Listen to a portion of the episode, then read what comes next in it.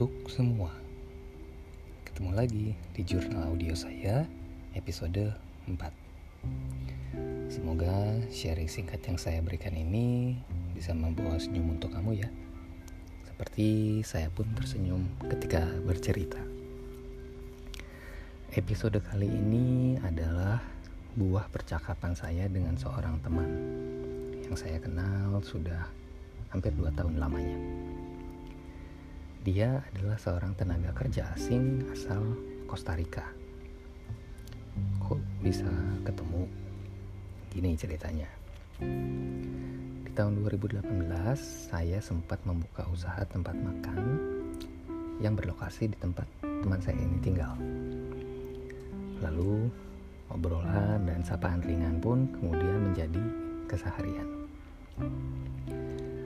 Suatu ketika, ketika sedang menuju tempat kerja, saya melewati satu mall di kawasan Pondok Indah.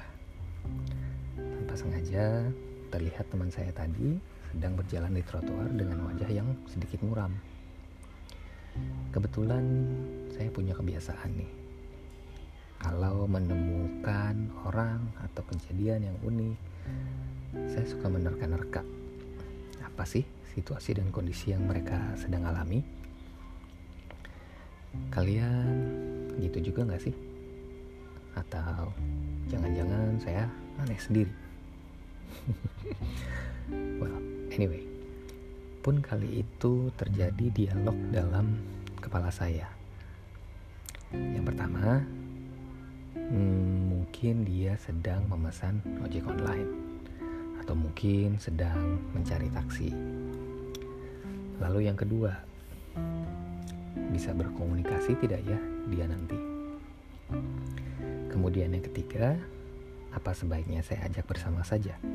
Toh kemungkinan besar tujuan kami sama. Singkat cerita, akhirnya saya pun menepi. Saya sapa dia sembari menawarkan tumpangan. Dan ternyata betul, kami menuju tempat yang sama. Hari berganti, bulan berjalan, dan pun berlalu sejak kejadian itu. Baru-baru ini saja kami sempat bertukar cerita dan membahas kejadian yang sudah hampir terlupa. Ternyata saat itu teman saya ini sedang mengalami hari yang kurang menyenangkan. Lebih tepatnya, dia merasa asing di negeri orang dan tanpa teman.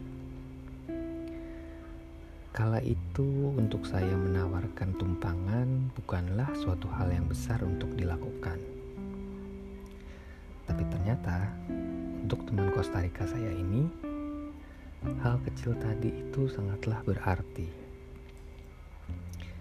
Dia juga menjelaskan bahwa pertemanan ringan kami seolah menjadi suatu afirmasi bahwa semua akan baik adanya dan dia tidak akan pernah sendiri.